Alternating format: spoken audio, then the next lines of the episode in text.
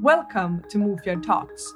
This is a podcast about the experience of becoming, of becoming the best version of yourself. The purpose of this conversation is to give you the tools needed to live to your highest potential. My name is Madeleine Mofjärd and I'm from the northern parts of Sweden. This is my way of inspiring you to lead yourself into a life of high quality and to reach your highest potential.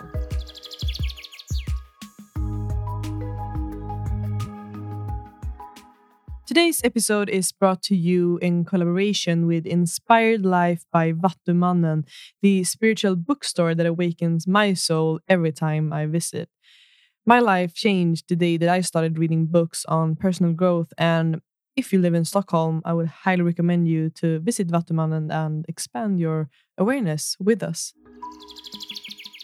In today's episode of Mofjärd Talks, I want to talk to you about something that I have been thinking about lot, a lot of of times recently because I I feel like a lot of times when we think about a certain area in our life that we are not really sure about like what's the next step I should take, what's the decision I should make, whatever it could be, we tend to to turn to the people in our life and ask them for advice. So we would ask our friends, our family, and people around us for their advice. And that's beautiful. And I think it's a good thing to talk to people about your ideas and about your reality and to ask them what they think.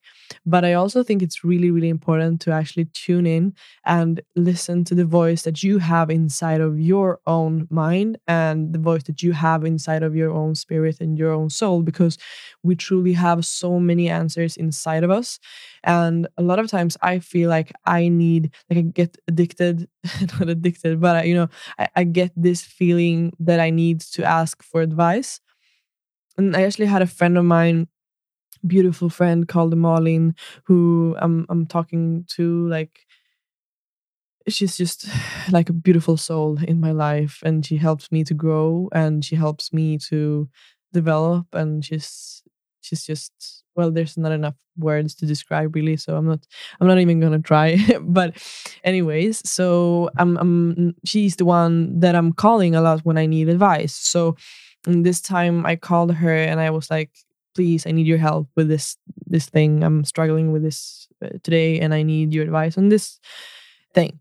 Um, and she's just telling me that look, you have the answers inside. So she reminded me of the fact that I actually do have the answers inside. And and that whole morning when I was having this question in my head, like I need to ask Malin this, and then I just realized after the conversation that I, that I had with her that if I just sit with myself and if I just like meditate on the thought and the question that I'm and the challenge that I'm standing in front of, then I will find the answers. And I believe that this is so important. And I'm so thankful that she like awakened this thought inside me because now instead of always trying to find the answers outside of myself. I'm trying to to talk to myself first so that I know what I'm actually like what's the answer that I'm looking for or what's what's the truth in here. So next time you're standing in and you're you're having some kind of challenge in your life or you have something that you're wondering about or whatever it could be, I would really encourage you to just sit with yourself for it could be just five minutes of breathing and five minutes of just closing your eyes and just thinking like how often do we actually think? Just think our thoughts. I believe we are, we're living in our heads so much but but we're not really aware of what we're thinking. So if you just sit with yourself and you think of this challenge about this challenge you will find a lot of answers and then of course we, we we need to talk to people around us and we need to get advice on on things. But when it comes to making decisions, it's important that you you talk to yourself and actually feel within yourself what it is that you want to do and what is the next step for you.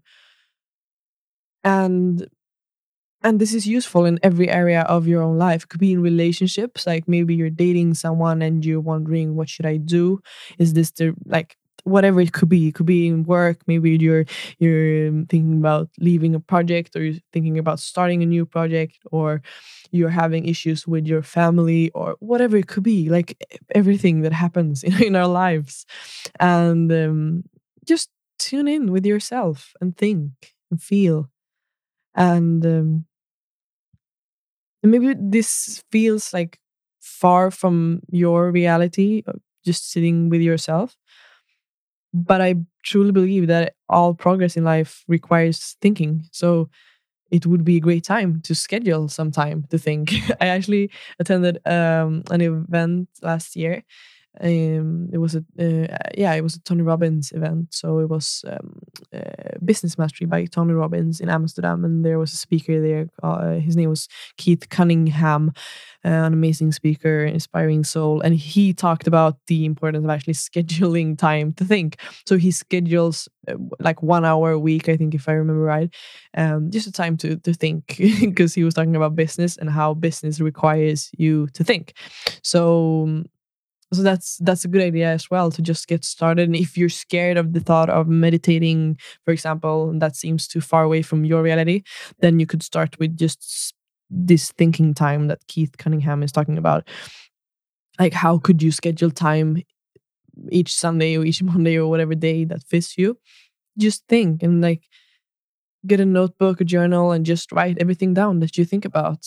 That's like the first step uh, that i would encourage you to do and uh, I think that's kind of what I wanted to talk to, to you about today. I feel like I, I like these, the concept of me just like sharing something that is in my mind at the moment. So these short episodes, I'm, I'm actually sitting in my bedroom. I have like the microphone on the table and I'm sitting beside my bed and it's really cozy and I'm just enjoying this because it's a way for me as well to go through whatever process I'm in at the moment. So it's beautiful to be able to share this as well with you guys, and I hope you you value.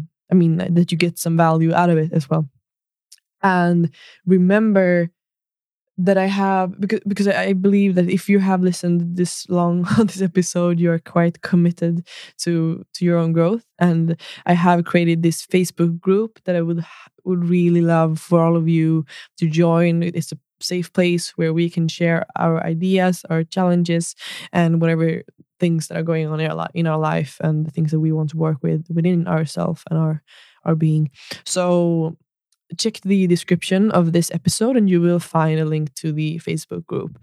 And I hope to see you guys in there. It would be so beautiful to connect with you and to talk to you and to see and hear hear from you. So take care and yeah, just remember to be present this coming week and um, and then we will talk again next week on Tuesday. So thank you. Thank you so much for tuning in on today's episode of Mofjärd Talks. Remember to go check out mofjard.com and also to join our VIP community on Facebook for all of you listeners who really want to maximize your own potential. The Mofjärd Talks community is a place where I will open up for conversations with you guys. I'm really looking forward to see you there and to get to know you better. Also, make sure to screenshot while listening to this and post this on your story and tag me so that I can follow you guys on Instagram. I really want to see the progress that you're actually making. So please make sure to get in touch with me. Take care and remember to stay humble.